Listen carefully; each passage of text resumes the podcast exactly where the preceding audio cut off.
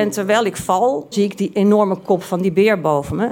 In de wekelijkse podcast Echt Gebeurd worden al meer dan 10 jaar mooie, grappige, spannende en ontroerende verhalen verteld door de mensen die ze zelf hebben beleefd. Het regende bommen, dat wil zeggen, om de zoveel tijd ontplofte er een bus. Er zijn al meer dan 400 afleveringen van Echt Gebeurd verschenen. Dit is geen sjamaan, dit is een achterhoeker. Abonneer je nu op Echt Gebeurd in je favoriete podcast-app.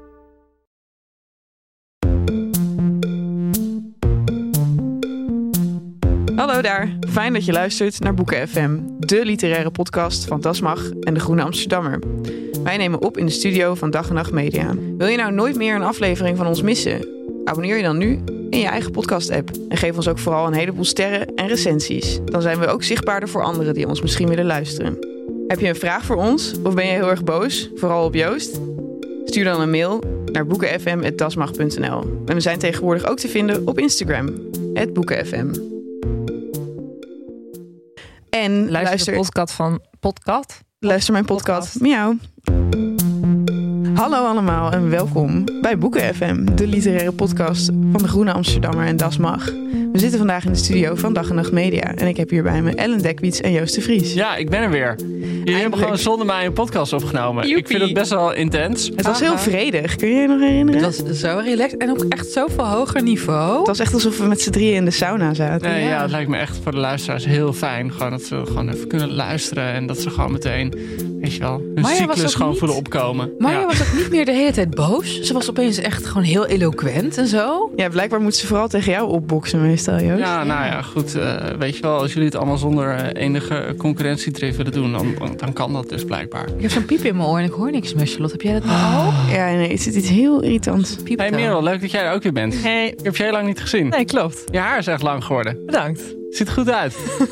Thanks. Ja, en Charlotte, jou gaat ook goed volgens mij. Je huid, je huid ziet er heel goed uit. Jullie zijn zo... Ja, gewoon, Waarom mag praat gewoon je in meervoud, Charlotte? Hij is een compliment gewoon. Maak gewoon een compliment. Nou, dankjewel. Dat is lief van je. Ik Ellen, jij ziet er ook gewoon. Ik, ik begrijp niet dat jij je haar zelf knipt. Want het is gewoon zo wilderig en gewoon- mooi. Oh, Joost, dankjewel. Wat heb je te... Is, wat moeten we... Wat heb je... Ga je, Nou, eh, ben je- heb je slecht nieuws? Nee, Ja, helemaal niet. hij gaat stoppen met de podcast. Nee, Hij vond het heerlijk dat hij niet hoefde te komen Nu ben ik er gewoon weer. Ziet, je ziet er wel veel gezonder en stressvrijer uit nu je een keer niet hebt ongelooflijk. meegedaan. Ja, nee, het scheelde enorm. Ja, ik word echt tien jaar ouder door eh, hier elke week op te komen dagen. Ja, Ja, 18. mag je stemmen. Ja.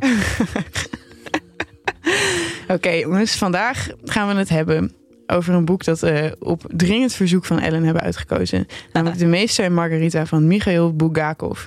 En ja, zo spreek je het uit. Ja, is dit, gaat, dit gaat een ding worden of niet? Dat jij ons Ja. de hele tijd gaat verbeteren hoe we Russische schrijvers moeten uitspreken. Maar hoe weet je dit? Ik weet dat jullie de neiging hebben om Nabokov verkeerd uit te spreken, namelijk als Nabokov. En dat, doet wel, dat doen wel meer mensen. Eh, dus ik dacht, ik, ik- dat zal wel voor eh Bulgakov ook gelden, zoals jullie dat eh, noemden. Dus heb ik mijn Russische oom opgebeld om te vragen, hoe spreek je dit uit? En eh, die zei Bulgakov. Je hebt een Russische oom. Nou, hij is getrouwd met een Russin. Bulgak- Bulgakov. Bulgakov. Dus wel gewoon zoals wij het zouden Nee, jullie zeiden Bulgakov. Nee hoor. Ik zeg Bulgakov. Ik zeg Ik Bulgakov. zeg altijd Nabokov. Ja. Dat zeg ik altijd. Charlotte Remarque. Ja. Ja. Ik word gegaslight in de studio van Dag en Nacht Media. Oké. Eh Michail Bulgakov, die in eh, 1891 geboren is en in 1940 overleden. En tot zijn dood de gehele jaren 30 aan dit meesterwerk timmerde. Eh, en zelfs op zijn sterfbed blind de laatste passages aan zijn vrouw heeft gedicteerd. Eh, het boek is zo regimekritisch op het regime van Stalin... dat het eh, onder Stalin onder geen beding ongecensureerd kon verschijnen. En het verscheen dan ook pas in 1967 hevig gecensureerd... in delen in het tijdschrift Moskwa. Eh, dat werd een ontzettende hit. Die tijdschriften die verkochten als warme broodjes. Omdat mensen die, die eh, proefden toch, ondanks alle censuur... wat een eh, ontzettende regimekritiek dit boek bevat. En sindsdien is met de val van de Sovjet-Unie... het hele manuscript tot ons gekomen. Ellen, Ja. Ik had echt geen idee wat ik moest verwachten... toen je dit voorstelde. Nee. Jij wilde dit al heel lang. Ja, ik wil dit al heel lang. En lieve luisteraar, ik ga jullie even een leuke anekdote vertellen. Dus afgelopen week nam ik samen met Maria en Charlotte op. En toen zei Charlotte...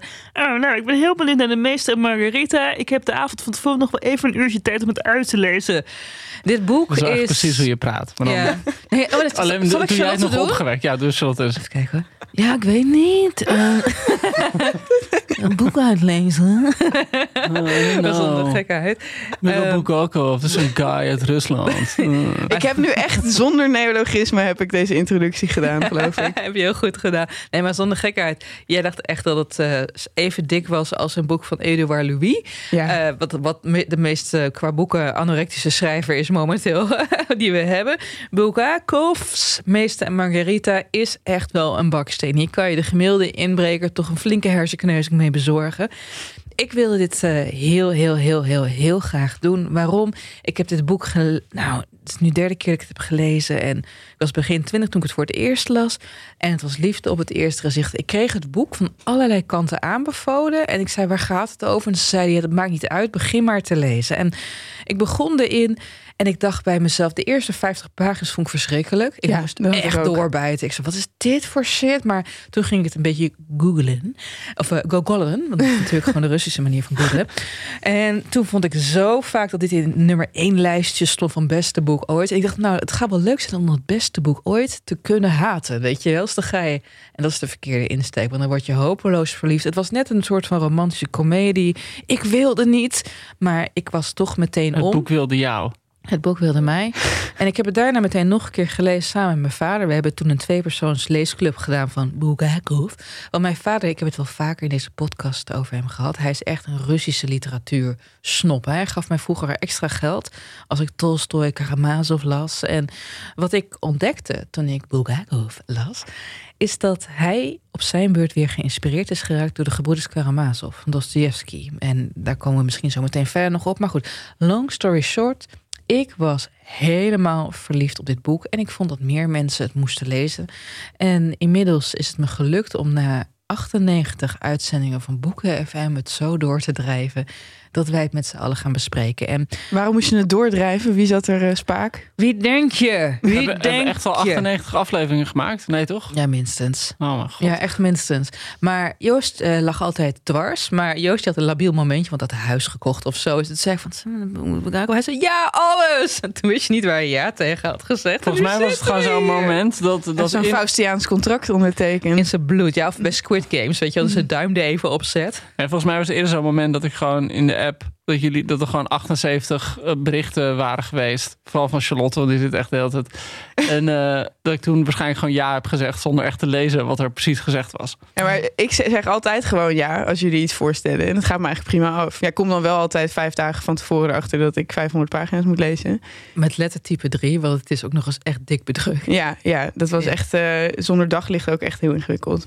ik ging dat ooit lezen omdat ik gehoord had... dat Sympathy for the Devil Ja. van de Rolling Stones gebaseerd is op dit boek.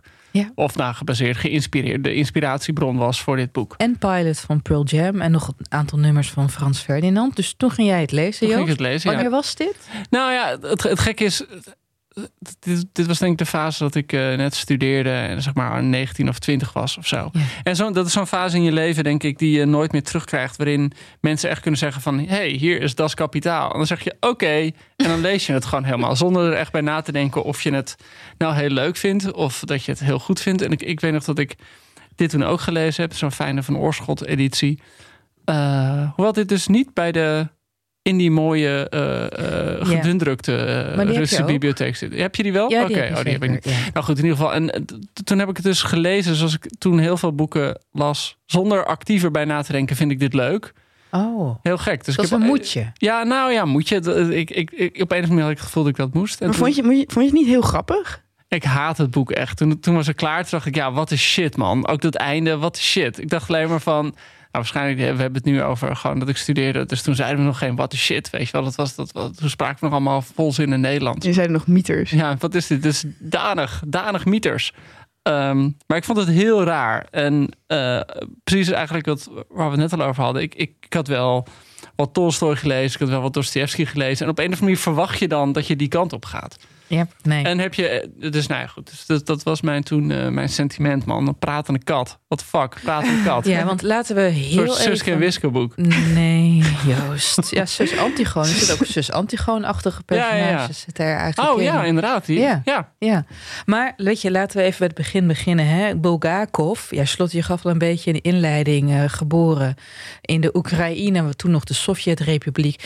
Hij was schrijver, hij was toneelbewerker. Dat is ook een heel grappige anekdote uit zijn jeugd, dat hij voor zijn broertjes en zusjes toneelstukken schreef en die dan werden opgevoerd door het hele huisgezin. Net zoals bij eh, Little Women, hè, dat Joe March dan een toneelstukje schreef. Hij was een beetje de Joe March van het gezin, maar dan zonder hoepenrok in een zwaar onderdrukt systeem.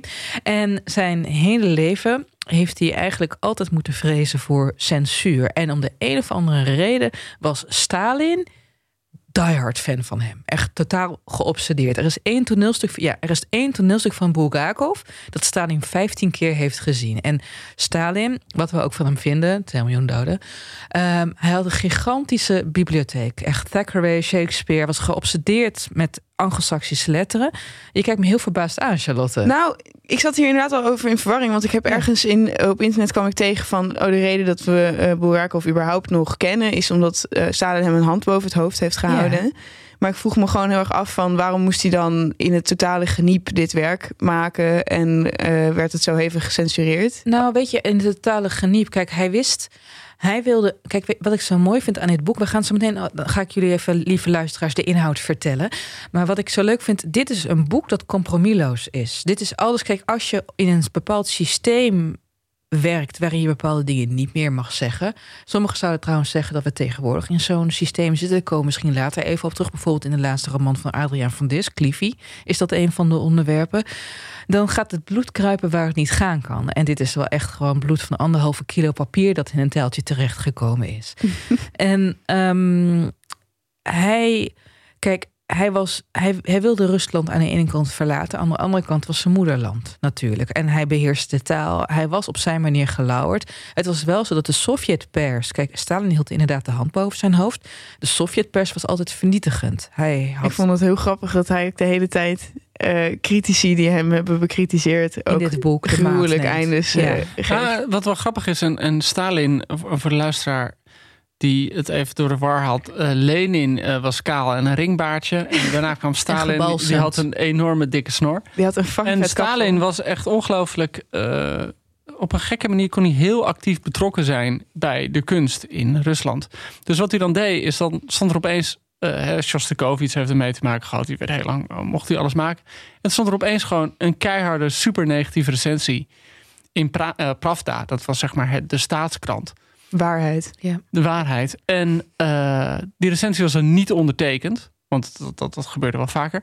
Maar dan zaten er spelfouten in die recensie. En dan wist iedereen, dit heeft Stalin geschreven. Oh, dus echt? Stalin schreef dan zelf die recensie als soort van interventie. En opeens zei hij, dit werk, en het kon een kunstwerk zijn... of dat het kon een, een toneelstuk zijn, is contra-revolutionair, het is bourgeois. en ze wisten dus dat, dat het dan Stalin was...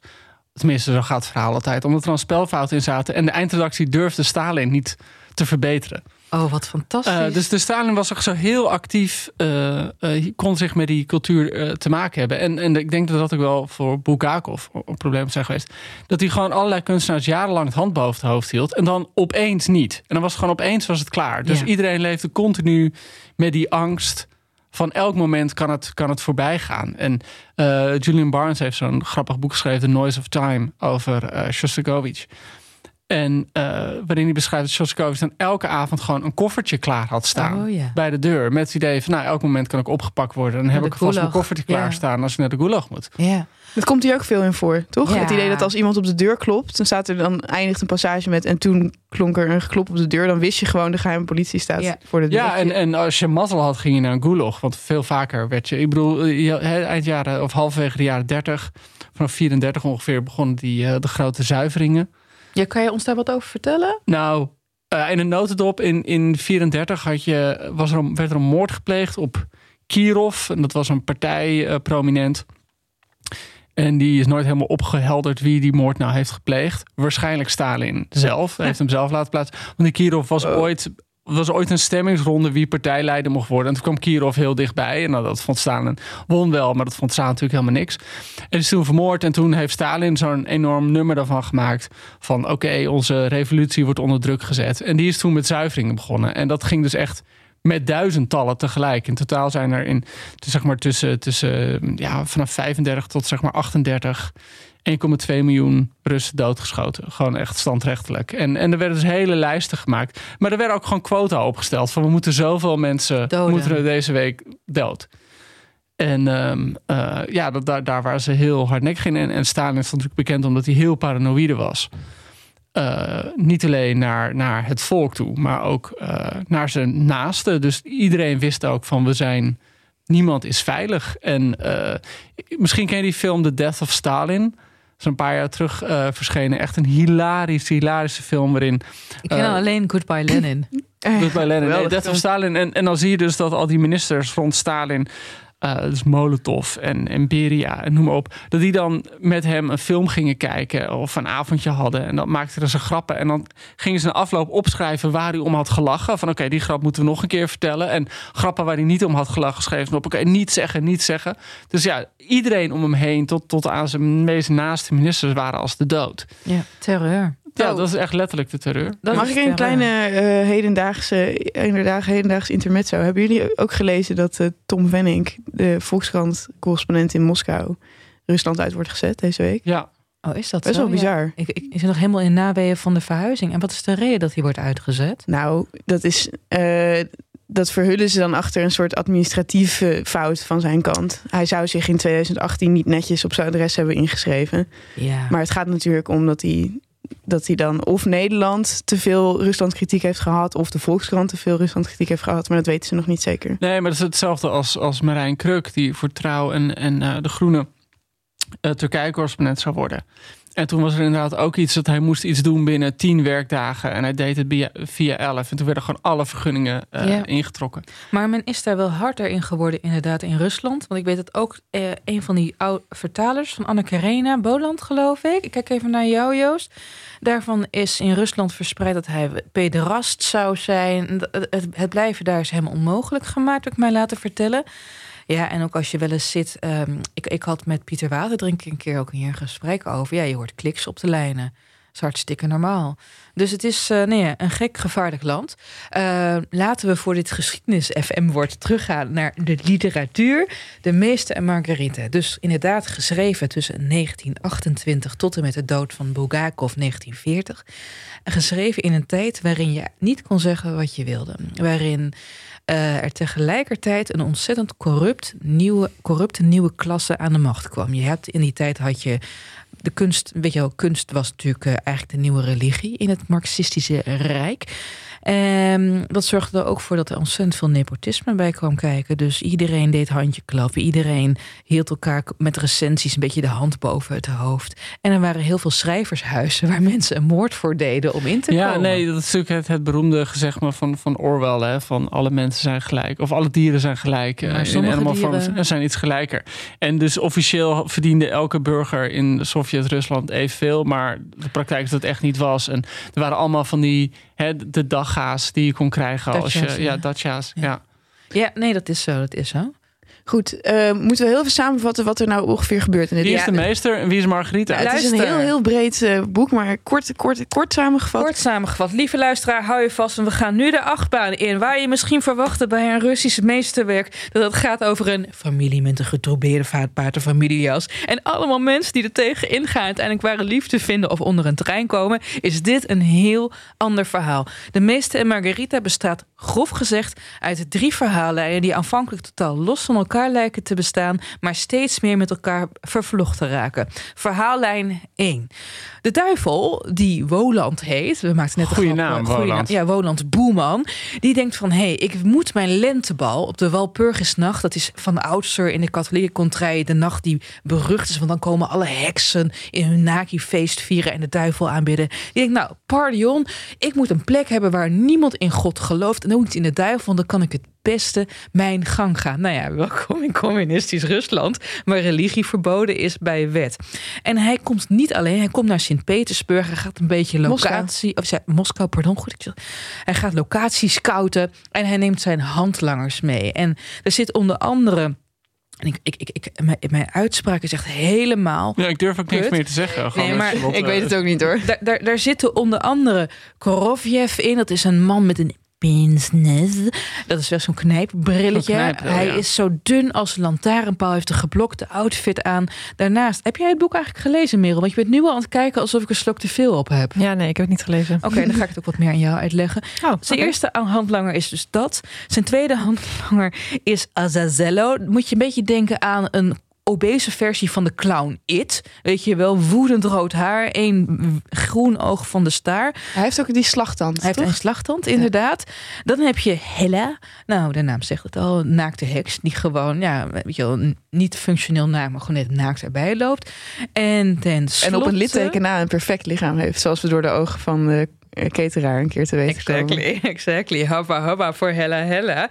En dan is er, en dat is eigenlijk wel als je de, alle omslagen die in de loop der tijd zijn gemaakt van de meeste Margaride, dan is er de ster van het boek. Dat is Behemoth. Dat is een, eh, een zwarte kater met de omvang van een nijlpaard. Die onder andere een alcoholprobleem heeft en verslaafd is aan ingepekelde eh, champignons. En deze henchmen, dat, dit klinkt allemaal heel erg grappig, maar in de praktijk, ze moorden er lustig op los. Ze Dat wordt best grappig beschreven, die moorden, toch? eh, aanvankelijk wel, maar ze onthoofden, ze stichten een brand. Eh, waarom het grappig is, Joost, ze hebben het vooral ge- gemunt op mensen die corrupt zijn. Of mensen die andere mensen verraden. Ja, ze hebben als missie eigenlijk om de bestaande duivelse praktijken in Moskou aan het licht te brengen. Meer dan zelf duivelse dingen te doen. Precies, precies. En dat doen ze op verschillende manieren. Eh, op een gegeven moment is er een soort variétéavond in de Schouwburg. En ja, je moet je voorstellen, zo'n communistische helstaat en alle hooggeplaatste genodigden die daar zijn, ja, die mogen natuurlijk niks. Die moet, die bezit is diefstal bij de communisten. Hè? En dan loopt die. Eh, die Woland die loopt op een gegeven moment te toveren en er valt geld, er vallen nieuwe schoenenparen uit de lucht en iedereen begint te graaien, mensen beginnen elkaar te vertrappen. Uiteindelijk komen ze buiten de Schouwburg en is alles weer verdwenen, staan ze in hun blootje, want ze hadden hun oude kloffie uitgetrokken om die nieuwe bondmantels en zo aan te doen. Het is ook grimmiger en daarom deed het me een beetje denken aan de huidige woningcrisis. Als één iemand komt te overlijden door die fucking handlangers van de duivel, dan is het niet meteen dat mensen zeggen: Oh, wat erg, heb je een rouwtaart of een rouwkaart? Weet je wel, een rouwtaart is het nieuwe shit trouwens, jongens, of een boeket. Nee, eh, ja, mag ik jouw woning hebben? Want ik ben ook lid van deze literaire vereniging en ik sta lang op de wachtlijst. Dus het is. Mensen zijn zo fucking irritant en kut dat je gewoon heel blij bent dat ze allemaal doodgaan op een hele harde manier. Dit is dus verhaallijn 1. Wo- Verhaallijn nummer twee. Woland, ik vat hem even samen. Oh, je vat hem samen. Sorry, ik wilde gewoon eventjes gewoon zo. Woland, ja, dat knip ik er wel uit. Dat is goed, dat is goed. Dat is ja, meer om, maar goed. Ja. Woland komt in de stad met zijn sidekicks en zij willen een lentebal. Verhaallijn 2. Het is 33 na Christus. en in een stad genaamd Jerusalem, want het wordt niet heel, het wordt op zijn Stalinesk gespeld, heb je Pontius Pilatus die denkt: Oh, knars, wat is de fucking warme dag vandaag? Oh, ik heb echt zo'n hekel aan mijn baan en ik voel ook nog eens migraine opkomen. En dan wordt er een man voorgeleid, Yeshua of zoiets, een gast uit Nazareth, een soort profeet. En of hij hem die even ter dood wil veroordelen, want hij heeft toch het volk een beetje opgeruid. En Yeshua en Pilatus die raken een beetje met elkaar in gesprek. Pilatus die eh, laat op een gegeven moment Yeshua ook een beetje zijn hoofdpijn wegnemen. Ja, hij heeft hoofdpijn, inderdaad, knalde koppijn. En eh, long story short, uiteindelijk, want dit, dit zijn natuurlijk de Bijbelse Pilatus en de, de zeer Bijbelse Jezus Christus van Nazareth. En op een gegeven moment komt dan het beroemde moment dat het volk, dat is dan bij, het Pesachfeest, is het dan een traditie dat het volk mag kiezen wie er wordt gespaard. Weet je wel, welke ter dood veroordeelde niet ter dood wordt veroordeeld. En dan kiest het volk natuurlijk voor Barabbas. En Pilatus zit zo'n beetje op de achtergrond. Hij zegt, ja, kak, want ik vond die Jezus echt super relaxed. Maar ja, dit zijn de regels. Met andere woorden, hij toont zich echt zo'n diehard bureaucraat... van waar je dat echt duizenden had in Moskou. Ja. Die gewoon om de regels maar te gehoorzamen... en het eigen hachie veilig te houden... meegingen en hun geweten aan de kant schoven. Derde verhaallijn. Er is- Verhaallijn nummer drie. Nummer drie. Er is dus een meester. Oh. En zijn vriendin In de heet... literatuur. Oh mijn god, Ja. zeg niet dat ze, me- ze zijn vriendin Margarita uit. Zijn vriendin heet Oh mijn Margarita. god. Dat zijn geliefden. En de meester die heeft jarenlang gewerkt aan een boek over Pontius Pilatus, die Jezus Christus ontmoet. En hij eh, met manuscript wordt afgekeurd. Eh, hij wordt eh, in een gekkenhuis opgesloten. En Margarita die gaat op zoek van waar is mijn meester gebleven. Nou, dan komt die Margarita op een gegeven moment de duivel tegen. En duivel zegt, hey chick, ik heb nog een soort gastvrouw. Een Mrs. Dalloway, eh, of een Mrs. Halloway in dit geval nodig voor mijn Satansbal. En als jij mee wil doen, dan krijg jij je meester terug. En zei, oké, dan deal gast, doe me, weet je. Dus zij krijgt een soort zalfje, dat vond ik trouwens ook leuk. Je je had vroeger, eh, hadden heksen zogenaamde heksenzalf, waar ze van gingen hallucineren. Hè? Vrouwen die zogenaamd heksen waren. Waardoor ze dachten dat ze konden vliegen. Maar in dit geval is het geen hallucinatie. Margarita gaat echt vliegen. Haar gezicht verjongt. Haar wenkbrauwen worden dikker. Wordt een soort Cara Delevingne. Dus denk, stel ik me zo voor. Ze klimt op een bezem.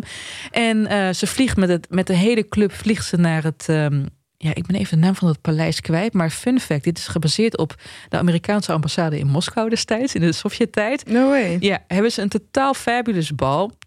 Eh, allemaal zombies, allemaal ter dood veroordeeld. Weet je, allemaal moordenaars, misdadigers. De ene, het ene moment is het een bloemenfontein, dan is het weer een soort kelder. Dikke party. Nou, feest is voorbij. Margarita heeft zich aan de deal gehouden. En Wodan die zegt van, nou oké, je hebt je geliefde terug. En dan komt er nog een goddelijke interventie.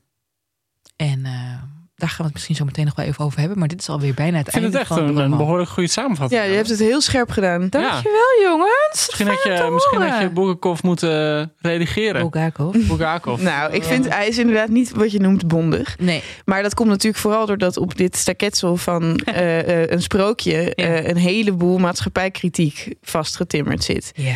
Dus eh, we hebben niet alleen een bal eh, in de hel. We hebben daar allerlei politieke eh, Ja. figuren waarvan je dan de hele tijd denkt van...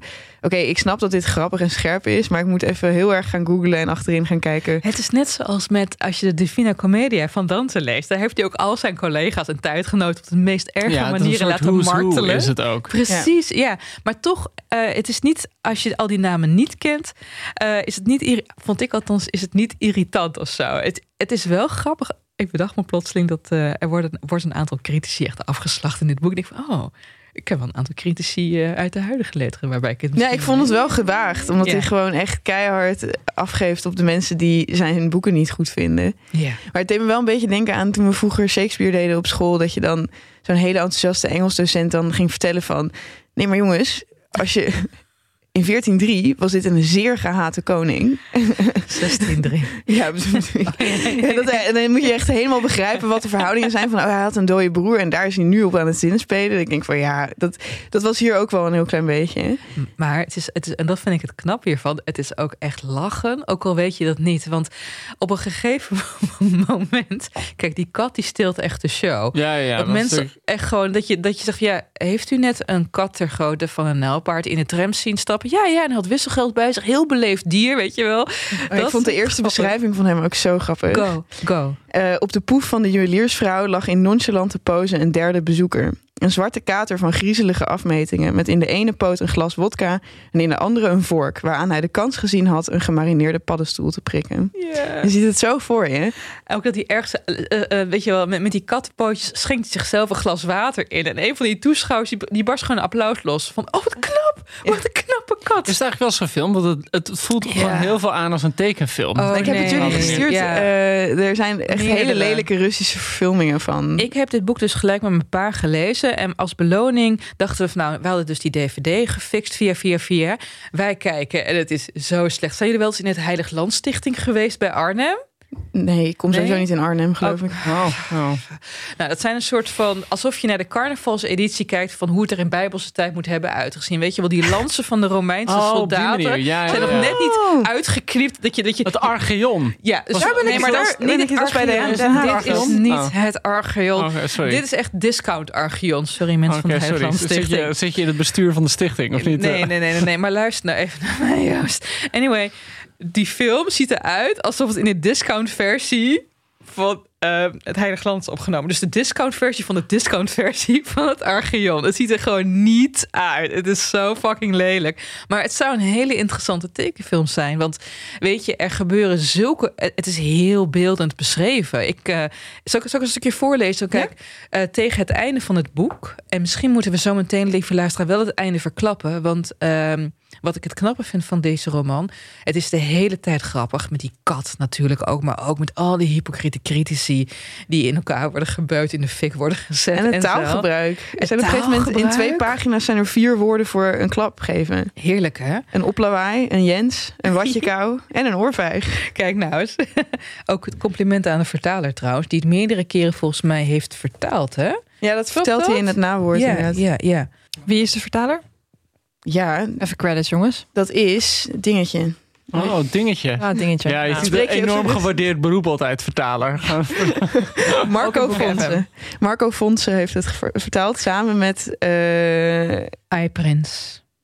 Ja. Oh. I Prins. Je ja. zou maar I Prins heet, zeg. Um, maar Heerlijke naam. Het is een opdracht. Ja. ja. maar, um, uh, maar weet je, laten we dan even, lieve luisteren. Als je nu denkt van ik wil het lezen. Kijk, de ontknoping is als volgt. Hè?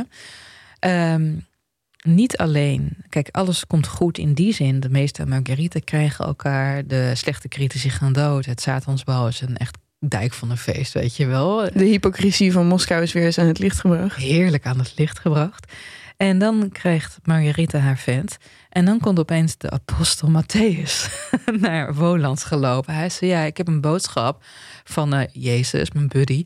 En de meeste Margarita, die mag je hier niet meer rond laten lopen, bla. Ik, hij geeft niet eens goede redenen, ze weten gewoon veel. En die worden dus veroordeeld tot het limbo. Dus tot eigenlijk niet de hel en niet de hemel, maar gewoon op een chille plek met een kersenboomgaard en een boerderij en elke dag lekker eten. En dus meester en Margaretha sterven.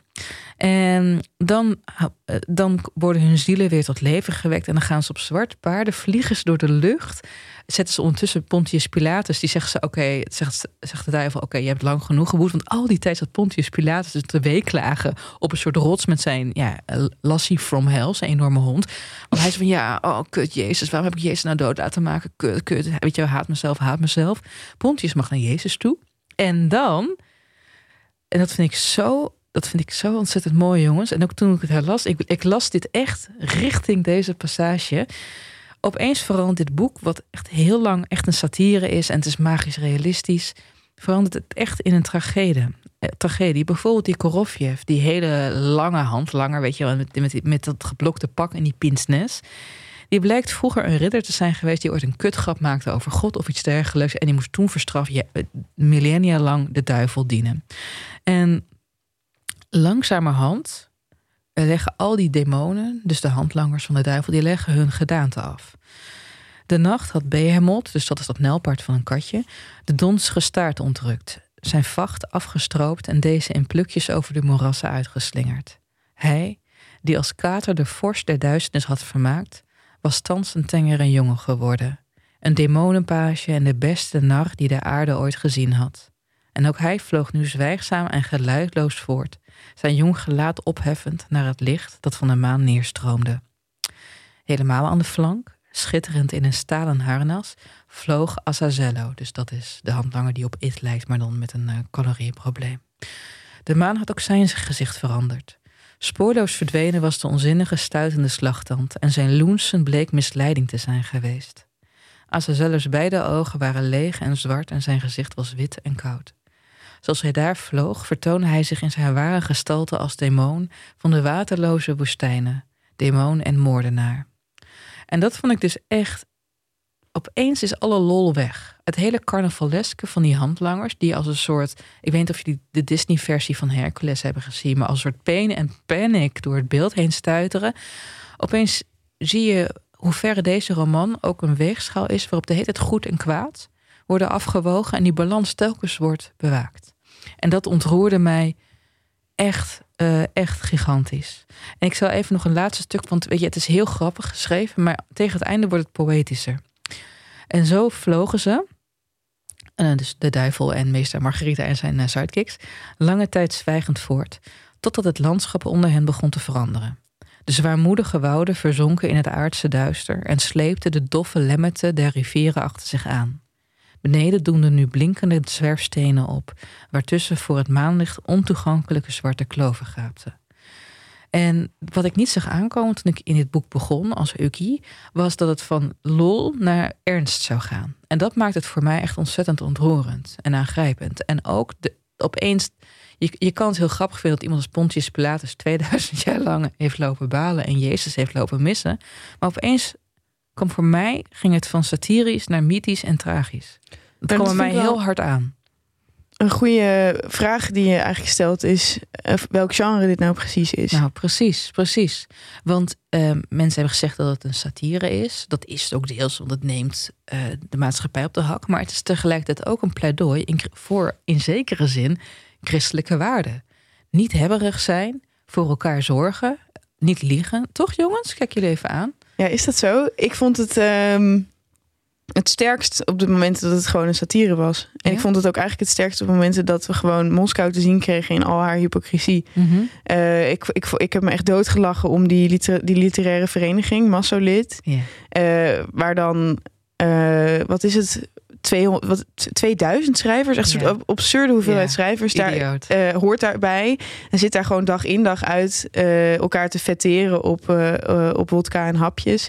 En elkaar eigenlijk stiekem te haten omdat ze allemaal een buitenhuisje willen hebben. En ze slaan literair gezien geen duik in een pakje boter. Nee, precies. En ze produceren of helemaal niets, of ze vinden eigenlijk elkaars werk allemaal heel kut en zo. En dat vond ik, dat vond ik eigenlijk het sterkst. Dus dingen die, die eh eh, Bulgakov waarschijnlijk zelf heeft meegemaakt. Dus ik zou, als ik dan toch zijn redacteur was geweest, dan had ik deze, dat die tot, dat tot inkeer komen van die, eh, van die bende duivelskinderen, had ik misschien weggelaten. Oh, ik had het er zo in. Want voor mij, maar misschien is het ook weer de kloof die tussen mij en jullie gaat. Want ik ben natuurlijk christelijk opgevoed. Dus ik ben hier gewoon extra. Dit is apocalyptisch, dit is metafysisch. Ik ben hier gewoon heel gevoelig voor. En juist ook omdat je de hele tijd. Het is net zoals. Ik heb het in deze podcast reeks daar wel eens eerder over gehad. De roman Everything is Illuminated van Jonathan Safran Foer. Is dat, dat is niet die over 9-11? Nee, dat is Die ervoor. die gaat Oh, over zijn familie in, nou ja, ook de Oekraïne. En dat is driekwart lol. En dan wordt het opeens een drama. En door die lol eerder komt die klap van het drama echt veel, veel en veel harder aan. En ehm, wat ik ook een heel mooi idee vind, kijk, op het laatst zeggen ze dat eh, Pilatus alleen maar vergiffenis krijgt doordat eh, de meester zo'n mooi verhaal over Pilatus en Jezus heeft geschreven. Met andere woorden, een goed verhaal kan het leven weer rondmaken, kan het leven compleet maken en kan vergiffenis schenken. En in een roman waar het de hele tijd eigenlijk erom draait hoe de burgers aan de lopende band worden gegaslight door de overheid, eigenlijk net zoals wij met Mark Rutte, maar we zijn nog steeds wat ergere straffen in Rusland in die tijd dan hier. Behalve als je een toeslagenhouder bent natuurlijk. Dat vond ik zo ontzettend mooi en heftig en veelzeggend. Nee, Shout-out naar alle toeslagenouders. ja. Wat ik gek genoeg wel een mooi verhaal vond, en dat heb ik nu pas ontdekt. Want toen ik het voor de eerste keer las, dacht ik altijd, ja, wat een fuck met Pilatus. Waarom moet ik, wat moet ik daarmee? Is dat verhaal dat eh, zijn Yeshua Mhm. heeft. Eh, dat wijkt namelijk, had ik eigenlijk nu pas door. En natuurlijk helemaal af van het verhaal zoals het in het Nieuwe Testament staat. Dat in het Nieuwe Testament hè, wordt, wordt Christus gestraft. eh, ja, omdat hij eh, zegt dat hij eh, de koning van de Joden is en de zoon van God. Nou ja, hij zegt your words, not mine. Ja, ja, Maar Superstar doe Ja, ja, ja. En ehm, nu komt hij aan en zegt: Ja, ik weet het ook allemaal niet zo goed. Ik heb een soort van groep godsdienstwaanzinnigen achter me aan. Die gewoon denken dat. Een soort Life of Brian. ja, een soort Life of Brian. Is het, is- gewoon ver voor Li- Monty Python Life of Brian maakt. Wel, is dat het eigenlijk? Dat eh, Christus zegt: Ja, ik weet het ook niet met al die mensen die achter me aan zitten. Ze willen allemaal dingen van me. En ik wil het helemaal niet. En ja, hij heeft ook niet echt magische krachten. Ik bedoel, die. die Pilatus die heeft enorme migraine. Ja, daar kan hij me een beetje mee helpen. Maar het komt ook gewoon meteen weer terug, de hoofdpijn. Dus ja, het stelde allemaal niks voor. Eh, dat vond ik eigenlijk verrassend grappig gedaan. Maar waar ik volgens mij in een, in een eerdere versie, of een eerste, eerdere Lezing? lezing. moeite mee had, was dat je dan dat verhaal van Pilatus krijgt. En dan vervolgens dan, oh ja, maar dat is het boek waar de meester aan werkt. Vond je En dat, dat, ja, dat, daar, daar hou ik nooit zo van. Als je dan zeg maar het boek in het boek aan het lezen bent. Eh, maar en- uiteindelijk blijkt het dus echt te zijn. ja, oké, het heeft, heeft, ja, ik snap het. Ja. Eh, maar op een of andere manier, ja, had ik er al, zeker, gek genoeg had ik er nu, vond ik een aantal dingen wel veel leuker dan de eerste keer dat ik het las.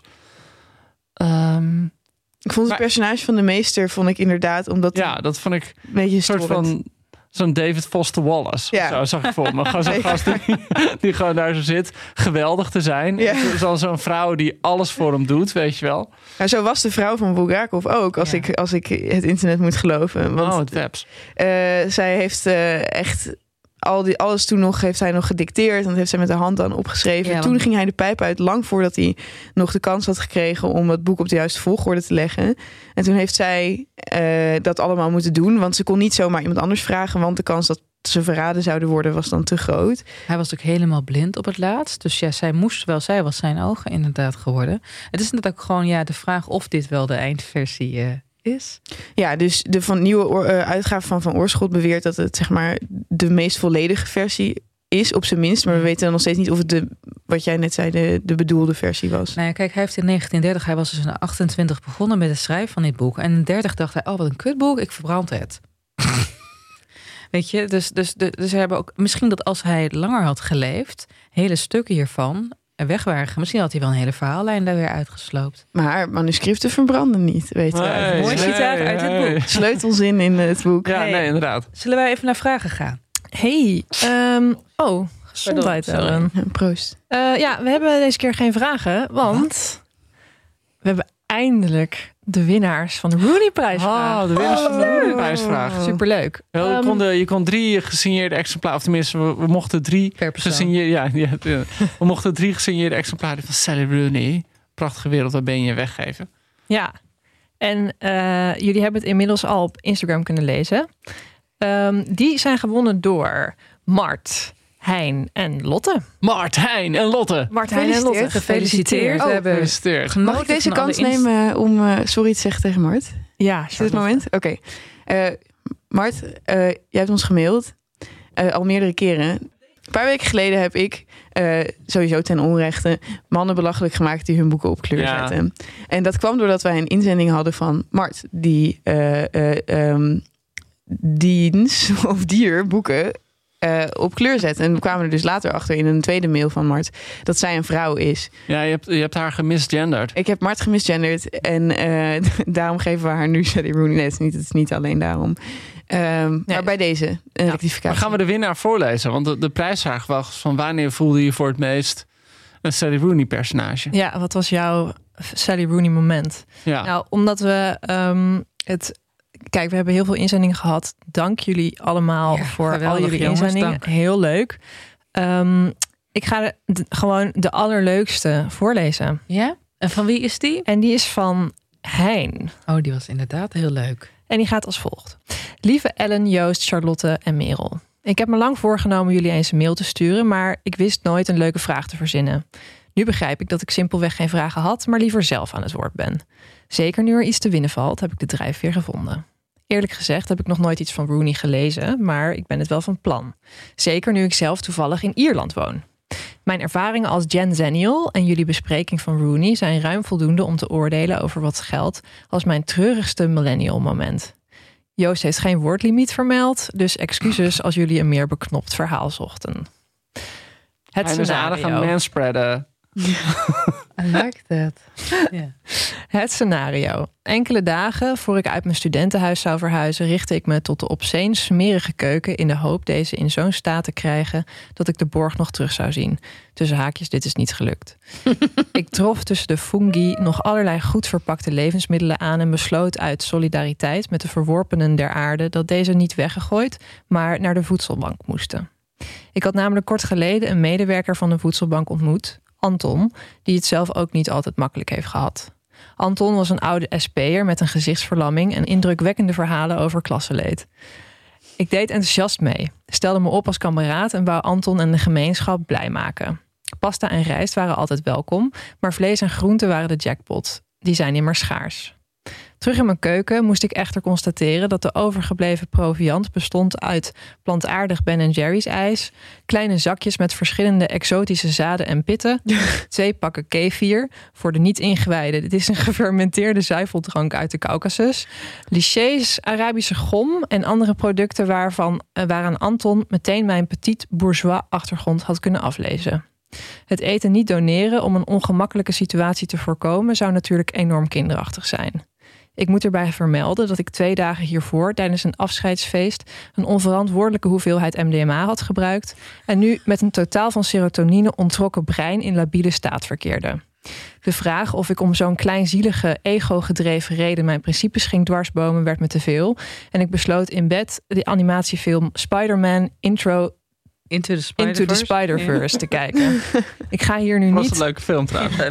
ik ga hier nu niet over het plot van deze Marvel-film uitweiden. Behalve dat het een leeftijdsadvies van 9 plus heeft en me in huilen deed uitbarsten. Toen heb ik de vriezer opengetrokken, zelf alle plantaardige Ben Jerry's opgegeten en ben ik me gaan wentelen in schaamte en misère. Vriendelijke groet, Hein. Nou, dankjewel, Hein. Hein heeft wel, als hij zijn klasse schuldgevoel wil afkopen, het perfecte boek cadeau gekregen. Want Ja. dat We doet Sally Rooney. het boek niet gewoon naar de voedselbank geven dan. Dat, eh, aan Anton van de voedselbank. Ik kan niet opeten. Nee, ik denk dat Anton van de Voedselbank geen geduld heeft voor Sally Rooney. Ik vind Nee. het echt perfect voor Hein. En het is ook niet perfect, want het is vlees nog vis. Oké, Oké, Ellen. hoofdpijn. Terug naar de meeste en Margarita, yes? Ja, moeten we nog zeggen dat die mensen even hun adres aan ons moeten... Hein, Mart en... Nee, want dat Merel is, gaat eh, ze even mailen. Dat is nu al gebeurd. Oh, dat is al gebeurd. Snap je? Nee. Nee, want Nou we gaan dat, dit verschijnt niet nu. Nee, deze podcast wordt ook in de multiverse Dit opgenomen. is eh, een andere galaxy, zeg maar. Andere, ja, dus dat is al gebeurd. Oké, nou, dan heb ik niks gezegd. Joost, ik had een vraag voor jou over Oh. eh, meester Margarita. Ja. Want toen jij zei eh, van ik wil dit boek niet doen, ik heb een afkeer van dit boek. Toen verwachtte ik dat jouw hoofdbezwaar zou zitten in het feit dat er zoveel magisch realisme in zit. Nou, ja, ik weet niet eens of magisch realisme het juiste woord is. Wat, Het- het- nou ja, het is eerder een soort zwarte fabel. Ja. En ook omdat het gewoon letterlijk de duivel en zijn hand, handlangers zijn. Ja, bedoel, ik had jou wel ingeschat als iemand die daar geen geduld voor heeft. Wordt het zo Nou, het, het, het is niet dat ik er geen geduld voor heb. Het is wel dat, dat ik het op 500 bladzijden lastig volhoud. En ik weet wel, de eerste keer dat ik dat las... en dan lees je over die kat en inderdaad... daar, daar kan je geen genoeg van krijgen in het begin. En eh, ik heb, eh, ja, goed, ik, ik, vond bijvoorbeeld heel veel van die moorden die erin zitten heel grappig. Ja. Dat is gewoon ergens staan te praten en dan opeens, hop, wordt iemands hoofd eraf gehakt. Gewoon bijna alsof het Door alsof- een tram. ja, ja, gewoon ja, door een tram. Gewoon, en dan wordt het hoofd ook zo lekker beschreven dat het als een meloen zo verder rolt.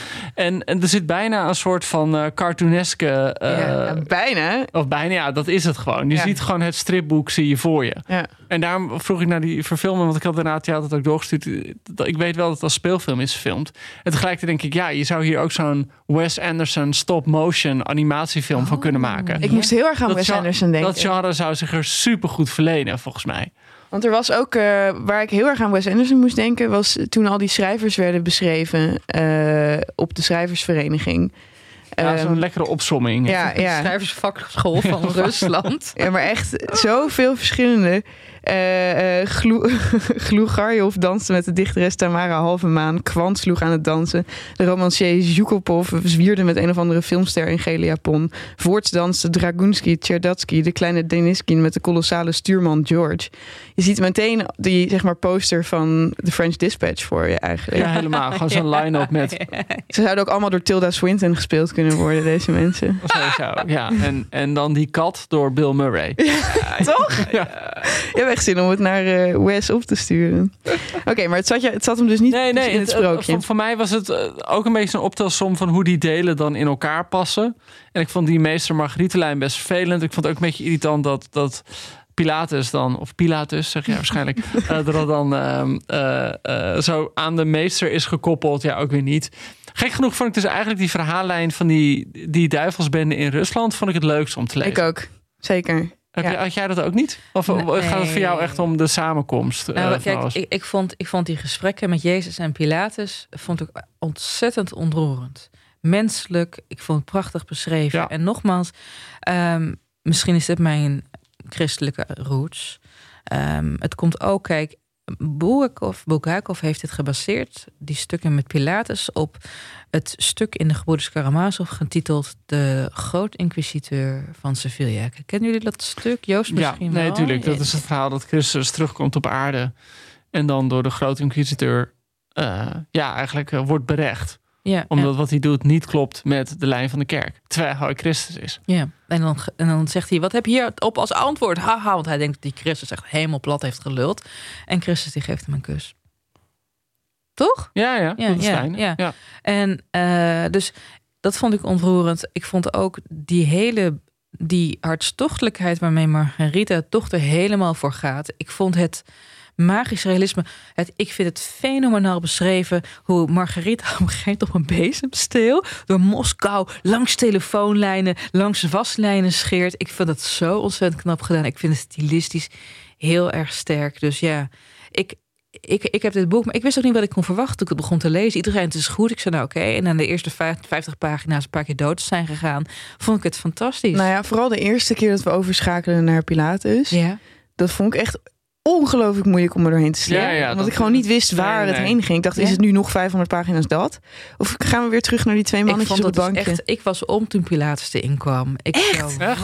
ja, maar, ja, maar dit is misschien toch echt een verschil in smaak. En Ja. weet je, het is ook zo met heel veel verhalen. Je hebt een aantal personages dat door de eeuwen heen altijd terugkomt in literatuur. Natuurlijk Jezus, maar ook koning Arthur, eh, figuren uit Shakespeare. En ik vind het altijd heel boeiend hoe een schrijver deze mensen nieuw leven, deze personages nieuw leven Ja, inblaast. uiteindelijk, de uiteindelijke psychologie van Pilatus vond ik heel erg interessant. Maar het was wel Dat duurde. Wat was het voor jou, Charlotte? Want jij, jij bent volgens mij wel redelijk thuis in de Russische klassiekers. Dat, ja, maar die zijn nou- dan vooral de, die, die een stuk begrijpelijker zijn dan, eh, dan, dan dit. Ik vond het, eh, nou, we hebben het vorige week over Anna Karenina gehad. En ik ben heel erg fan van Oblomov. Oh, ja. Maar dat, eh, ehm, die hebben vaak een hele simpele insteek en zijn ook super eh, ja, realistisch. Die spelen zich af in en rondom een huis en hoe dat functioneert. Maar ik vond dat hier eigenlijk het charmantste deel ook weer, vond ik de dagelijkse gewoonte van de Moscovieten. Mm. Want je, je komt er op een gegeven moment achter van wat dan het werkritme is. Gewoon een uurtje tikken. En dan ga je alweer souperen. En gewoon een heleboel wodka achterover slaan. En wat ze allemaal daar te eten kregen en zo. Dat, vond ik eigenlijk, dat was eigenlijk mijn favoriete deel Dus de couleur lokaal. Ja, de couleur lokaal. En ook, ook hoe dat dan zat met ehm, waar je allemaal wel en niet voor gearresteerd kon worden. Ja. Eh, het bezitten van vreemde valuta. eh, niet een bepaald register goed geregistreerd zijn. Werd, ik vond het ook heel grappig. Eigenlijk een van de sufste grapjes is dat ze op een gegeven moment zeggen van... Oh, bij welk bureau, administratief bureau, heb je dat ingediend? En dan zegt hij echt bureau 462 of zo. Echt zo'n absurd hoog getal. dus van oké, Moskou heeft zo'n ingewikkelde bureaucratie in deze tijd. Nou ja, dat vond ik leuk. Eh, en dat, dat is ehm, wat ik eigenlijk altijd leuk vind aan Russische klassiekers. Oké. Maar ik had nog een vraag aan jou, eh, Ellen. Want jij had het net over ehm, Adriaan van Dis. Ja. En eh, je zou eh, kunnen zeggen dat dit een aanklacht tegen de censuur van, eh, eh, van het Stalin- Stalin-regime is.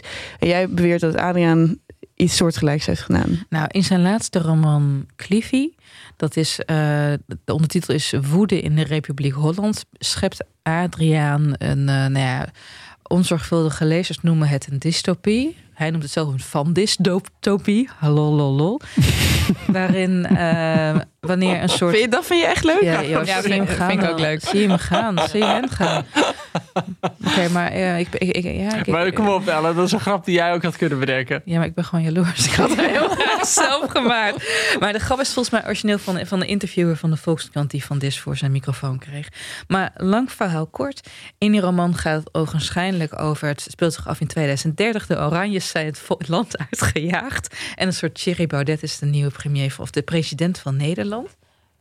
Komt iemand achter mij? Nee? Nee hoor, Als je, oh, je wordt dit, is, behext. cens- dit is een censuur. Dat je nu Dit verwacht dat er gewoon meteen iemand Dat achter je staat. achter Ja. Gaat nu afge je hoofd wordt afgehakt. En ehm, in, de, in, in, eh in Cliffy is een van de kernpunten, eh, niet zozeer, want er vindt een klimaatramp plaats. De eerste orkaan ooit bereikt Nederland. Er eh, overstromen heel veel gebieden. Deze roman is in februari van dit jaar verschenen. Dat was nog voordat overstromen in Limburg echt een hit was. En het gaat ook heel erg over dat je niks meer mag zeggen. Dat je heel erg moet houden aan bepaalde discoursen. En dat zie je in dit boek ook. Maar mag ik even binnenvallen dat als, ik, als iemand tegen mij zegt, als jij tegen mij zegt, Adriaan van Dis heeft een aanklacht geschreven tegen de censuur op, op de Nederlandse schrijver, dan denk ik echt, wat een saaie oude witte man ben je dan? Nou, dan mag je tegen hem zeggen, want hij Oh, staat oh, hier op hij je Iris wel, van. Dis. Jullie gaan me dit nog een keer flikken. zitten, rood Ja. of wit? Ja. Nee, maar goed, ik heb het niet gelezen, dus ik heb hier niet een mening over te hebben natuurlijk. Maar ik denk dan automatisch van, Bulgakov had echt iets om over te klagen. Ja, nee, dat, dat, ik bedoel, het zijn onvergelijkbare grootheden. En, inderdaad. en, en ik vind bijna iedereen, Omstandigheden, ja. bijna iedereen die eh, eh, ehm, beweert dat hij nu niks kan maken of niks mag zeggen, die bedoelt dan de twintigers worden op, op het internet boos op mij als ik iets zeg. Mhm. Toch, die bedoelen niet van mijn overheid hakt mij het hoofd af. Er staat iets heel anders op het spel. Maar het is wel interessant dat in eh Cliffy... dan zie je wel wat dat soort ideeën met een schrijver doen. Want er zie je, je ziet dus ook echt weggelakte stukken in Ja, Cliffy. ja. Het is haast een toeslagendossier. Eh hij heeft daarin ook... Dat vond ik een interessant concept over zijn Puma.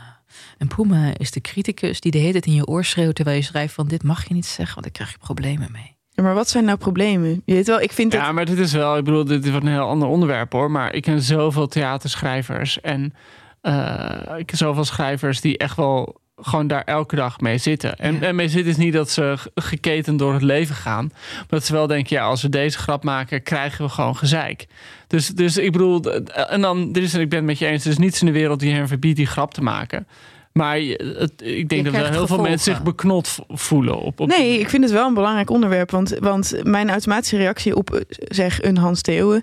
is dat hij zijn publiek niet meer kent. Mhm. Eh, en dat hij dus iets maakt dat niet verkoopt. En dat hij dat dan censuur noemt.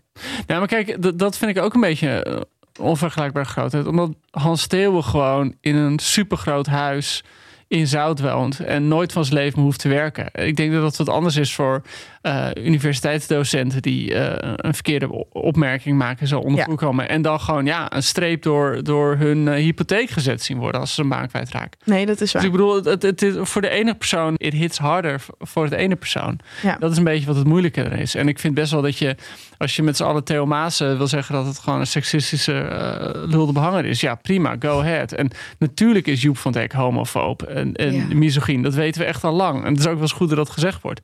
Maar ik vind wel dat je soms misschien een beetje moet kijken naar een soort menselijk besef tegen wie je het hebt. En de ene persoon staat zo stevig in schoenen, denk ik, ja, schop maar tegen die schoenen aan. Dat is En zeker bij waar. andere personen denk ik, ja, kom op man. Dat is gewoon een schrijvertje of een universiteitsdocent of weet ik veel wat. Nee, maar het, het cancelmes eh, discrimineert niet. Nee. Nee, maar er is een verschil het tussen bij Stalin... Oh jee. Er is een verschil tussen cancel culture vanuit de overheid en eh, vanuit, um, vanuit eh, een, een hele groep mensen, waarbij je in sommige gevallen denkt, dit is heel terecht. En bij andere gevallen denk ik van ja, dit is voor jullie soms ook een manier om een woede die je al hebt. Om, je hebt het excuus van een Ja, gietkanaal. je, je zoekt iemand waar Oh, je ja. Ja. Ja. Ja. Goed, we zouden hier een heel uur over kunnen volpraten. Ik denk dat het tijd is om een cijfer te geven, jongens. Ja, en een eindoordeel. Ik heb het dus eh, herlezen. Jij hebt het voor het eerst gelezen. Joost heeft het herlezen. Ik vond het nog steeds prachtig en het krijgt van mij een 9,8. Joost? Ja, ik heb het dus met meer waardering gelezen dan vorige keer, Ellen. Dus daar wil ik je Oh, voor bedanken. Joost. Ja, Ellen, kijk Oh, maar aan. graag gedaan, bedanken. Ja. dus. Joost. Eh, dus krijg voor mij een, eh, een eh, 7,3. Joost, je bent nu echt een van de, weet je wel, unaniem geprezen meesterwerken. Oh, is dat ook goed? 7,3, ja. Nee, we, Nee, gaan, dat we is- gaan vanaf dus- 5,1 naar 7,3. Dus jij vond, Dus jij vond Wij zijn licht van Gerda Blees, vond je beter? heb ik daar een hoog cijfer voor ja, gegeven? Ja, maar het is oké. Lotte. Ik, eh, daarom haat ik deze cijfers altijd. Maar het moet altijd voor jou. Ja. en misschien moeten we inderdaad iets ophangen waar dan je kunt terugkijken naar wat je allemaal eerder een cijfer hebt gegeven. beter dan dit of dat? Maar jij geeft geloof ik altijd tussen een 5 en een 7,5. Ja, Nee, echt het. helemaal niet. Nee? Echt, ik heb nog nooit een 5 gegeven. Misschien één keer met Henk van Straten. ik heb het idee dat ik altijd veel te hoge cijfers geef. Henk van Straat zou het ook goed doen als personage in, eh, Ja, meestal. in die Ja, Massolid-vereniging. Goed, ik vond het echt een ontzettende rollercoaster. Ik heb nooit zoiets meegemaakt. Ook omdat ik het in drie dagen Ik hou er altijd eh, zo van als mensen zeggen dat iets een rollercoaster was. Omdat je denkt van ja, Ik durf niet eens in, Nee. in die rollercoasters. Dus ik, ik mag niet eens deze dit is wat je je maken. voorstelt. Met Ja, dit is precies Ja. wat ik probeer te vermijden. Nee, grapje. Ik, ehm, ik vond het echt heel erg wennen. En af en toe echt ontzettend ploeteren. Ook dus wederom dat ik het in een hele korte tijd moest lezen. Maar ik was diep onder de indruk. Oh, Ehm, ik geef zoals altijd een heel hoog cijfer, denk ik. Oh. Eh, een 9,2. Jezus, wat hoog.